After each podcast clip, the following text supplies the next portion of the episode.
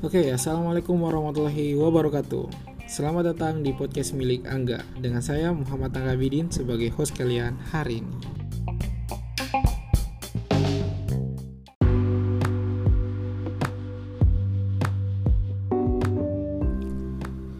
Ya, selamat datang di podcast milik Angga Minggu tanggal 31 Mei 2020 dengan saya Muhammad Angga Abidin. Oke, teman-teman, jadi hari ini kita akan membahas mengenai topik baru ya, episode kedua. Topiknya itu adalah mengenai niat ya. Jadi niat empat huruf tapi sangat berarti dalam hidup kita, dalam perencanaan kita, dalam membentuk planning planning kita ya. Oke, sebelum pembahasan mengenai niat dan saya akan berikan satu contoh pengalaman saya mengenai niat yang bagi saya pengalaman itu sangat-sangat berharga ya. Ya, namun sebelum itu saya mau tanya dulu nih kesehatan teman-teman yang berada di rumah hari ini bagaimana? Ya, sehat. sehat ya insya Allah. Semua diberi kesehatan oleh Allah sehingga kita masih bisa menjalankan aktivitas sehari-hari tanpa beban, bisa mencari rizki dan bisa uh, aktif dalam keseharian ya. Karena kalau tidak aktif itu banyak e, bisa masuk banyak penyakit ya gitu. Jadi harus aktif teman-teman. Olahraga ya. Kalau yang kerjaannya itu bisa dimulai sebelum kerja olahraga makan makanan yang sehat dan teratur.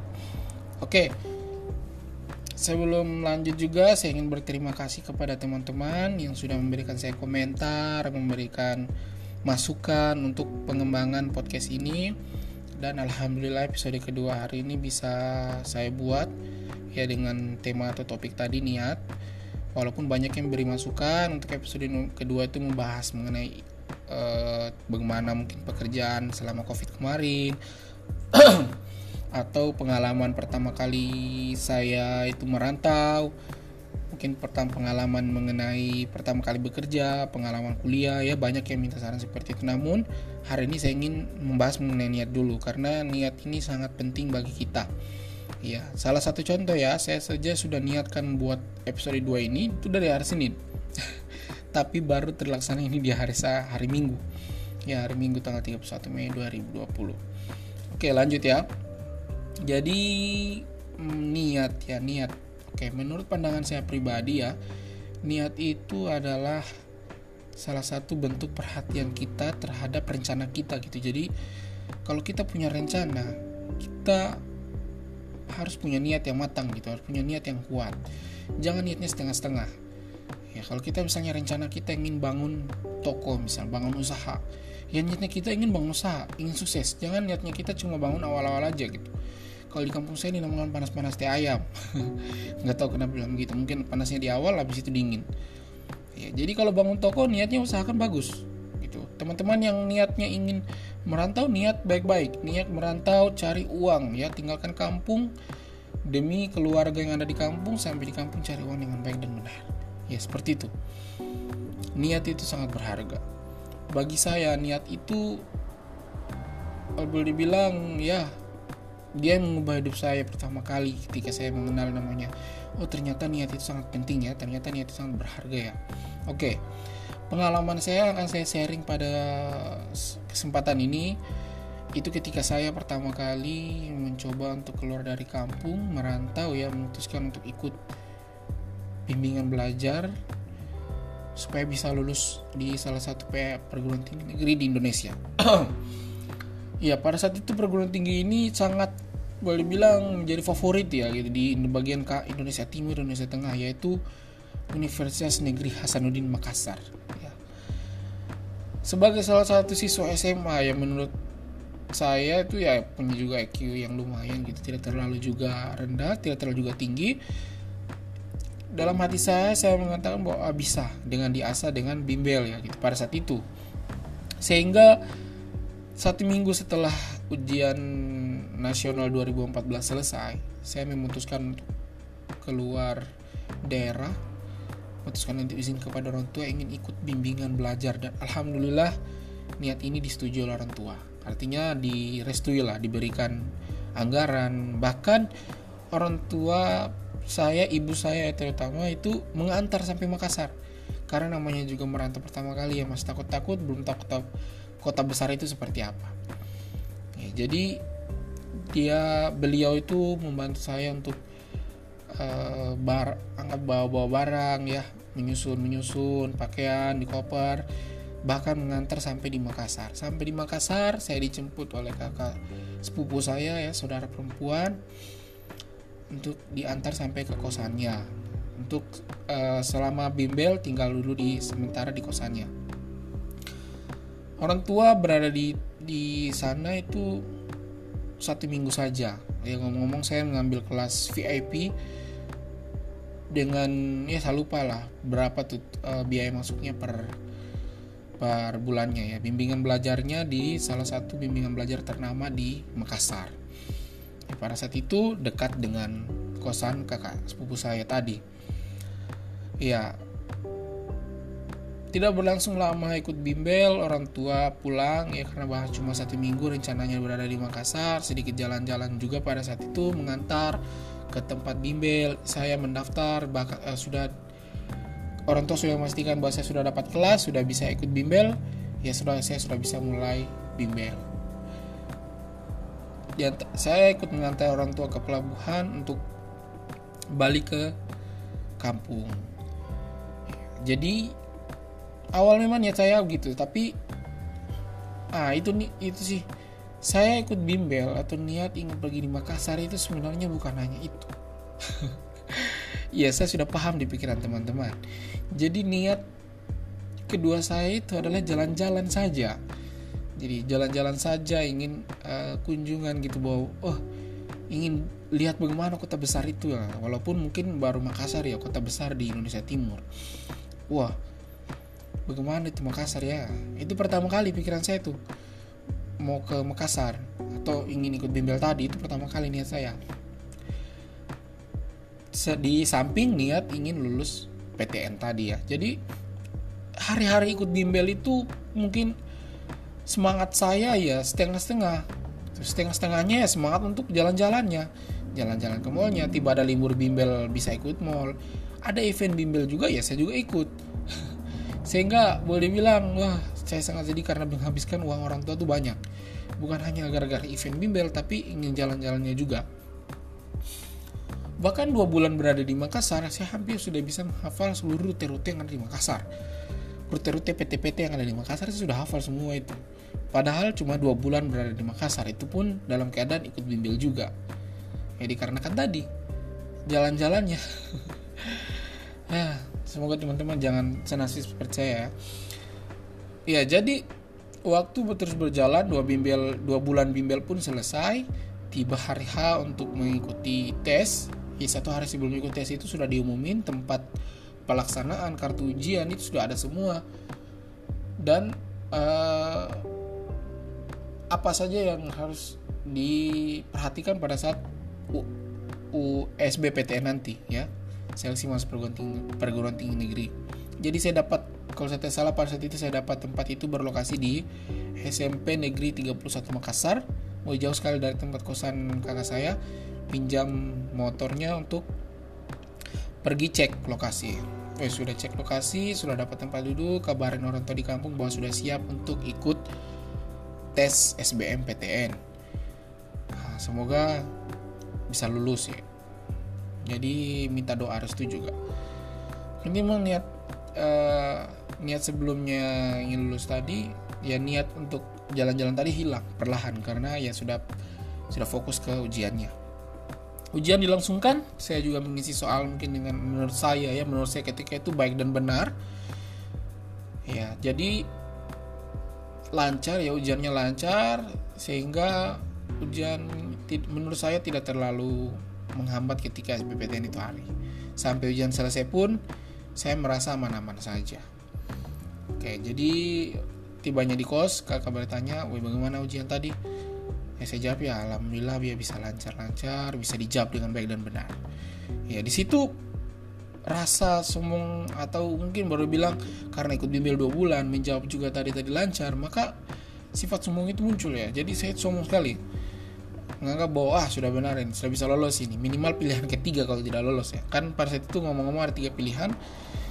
Ya pertama saya pilih itu jurusan yang paling tinggi atau yang peminat itu banyak dari seribu yang diterima ada sepuluh ribu yang ikut ya jelas jurusan perikanan eh bukan jurusan kedokteran ya kedokteran Unhas yang kedua itu jurusan teknik sipil Unhas oh, yang ketiga itu jurusan biologi MIPA Unhas. Kenapa saya suka biologi? Karena memang itu mata pelajaran favorit saya. Wih, siapa yang saya pemikiran ini? angkat tangan, angkat kaki dari sekarang, angkat kaki sekarang juga. Oke, lanjut ya. Jadi pada saat itu selesai bimbel itu menjelang Ramadan ya, Ramadan saya menyempatkan untuk pulang kampung karena sudah tidak ada lagi yang dilaksanakan di kota. Tinggal menunggu waktu pengumuman ya. 17 April kalau saya tidak salah pada saat itu. Eh bukan 17 Mei ya.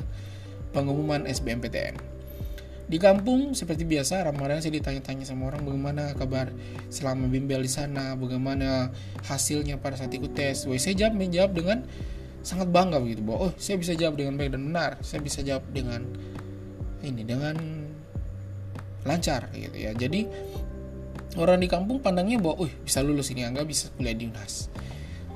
Atau mereka juga berpandang bahwa ih sombong sekali. Mungkin gara-gara ikut bimbel ini bisa dijawab dengan baik dan benar mungkin gara-gara ikut bimbel ini banyak juga ketika bahkan saya sudah mulai logat-logat Makassar pada saat itu. Ya logat-logat yang pakai kiki itu. Sudah mulai keluar logat-logat Makassar. Ya jadi menunggu waktu pengumuman. Tibalah hari pengumuman tanggal 17 itu guys kaget shock karena dapati pengumuman tidak lulus untuk satu pilihan pun itu singkat padat dan jelas itu dinyatakan itu. Muhammad Angkabidin dengan nomor tes sekian sekian sekian menyatakan tidak lulus SBMPTN 2014 Woi kaget bukan main. Rasa mau menangis tapi tidak bisa menangis begitu. Menangis smart tidak keluar air mata Wih. ya bagaimana kalau tidak keluar air mata itu? Jadi sakitnya itu bukan main. Sakit tapi tak berdarah Wih banyak sekali ya. ya jadi karena rasa sakit itu sehingga saya berpikir kenapa sampai terjadi seperti ini ya orang tua saya itu sedikit orangnya itu boleh dibilang eh, banyak mempunyai teori-teori ya. Jadi suruh saya ser, sering kalau saya mendapatkan masalah seperti itu disuruh untuk merenung. Merenung diri di kamar gitu kunci diri merenung. Tapi habis itu kalau sudah sadar atau sudah tahu silakan. Sampaikan ke saya kesalahan kamu di mana. Nah itu. Orang tua saya tipikal seperti itu, bukan langsung memarahi tanpa sebab, tapi memberitahu dulu untuk merenung dan memberikan nasihat. Jadi malam itu saya merenung merenung sambil mematikan HP karena teman-teman sudah pada bertanya semua ini, gimana? Enggak lulus? Ada yang lulus juga tadi senang-senang, ada yang senasib seperti saya, tidak lulus SBPTN juga tapi ya tetap bangga juga dengan dirinya. Ada juga yang langsung cari malam itu rute terakhir untuk bisa masuk PTN pokoknya semua cara kami lakukan yang kami tidak lulus tadi. Iya. Saya merenung dan beritahu kepada orang tua bahwa kesalahan saya ada di niat pak. Dan orang tua saya sudah tahu akan hal itu sebenarnya tapi mereka ingin lihat bagaimana apakah saya bisa mengatasinya atau tidak. Iya jadi niat itu sangat berpengaruh penting pada saat itu. Aduh sakit sekali saya. Sampai berpikir kalau saya tahu seperti ini niat saya akan saya ubah dari awal ingin fokus benar-benar tidak main-main tidak jalan-jalan saja tapi bimbel dengan baik dan benar. Ya akhirnya saya dapat satu kesempatan lagi yaitu SLMPTN seleksi lokal masuk perguruan tinggi negeri nah di situ saya tidak akan kesempat sia-siakan momen ini itulah momen saya Seleksi ketiga ini adalah waktu, eh, kesempatan saya untuk bisa lulus SLMPTN untuk bisa masuk perguruan tinggi negeri. Pada saat itu yang menyediakannya adalah universitas di provinsi saya, Universitas Haloleo, nomor satu perguruan tinggi negeri di di provinsi saya. Ya letaknya di Kendari. Tidak seperti biasa saya ke Makassar itu naik kapal besar, kali ini saya naik kapal cepat yang ukuran lebih kecil, namun ya nggak masalah. Saya berangkat dengan bawa pakaian sedikit karena sudah saat eh, eh, tinggal satu minggu lagi tes dimulai sedang saya belum mendaftar sama sekali. Karena mendaftarnya mesti di kampus ya tidak tersedia pendaftaran online. Jadi saya susah sekali pada saat itu. Boleh dibilang walaupun cuma kesempatannya kecil tapi saya harus jalankan dengan baik-baik. Ya niat dari kamu sudah seperti itu.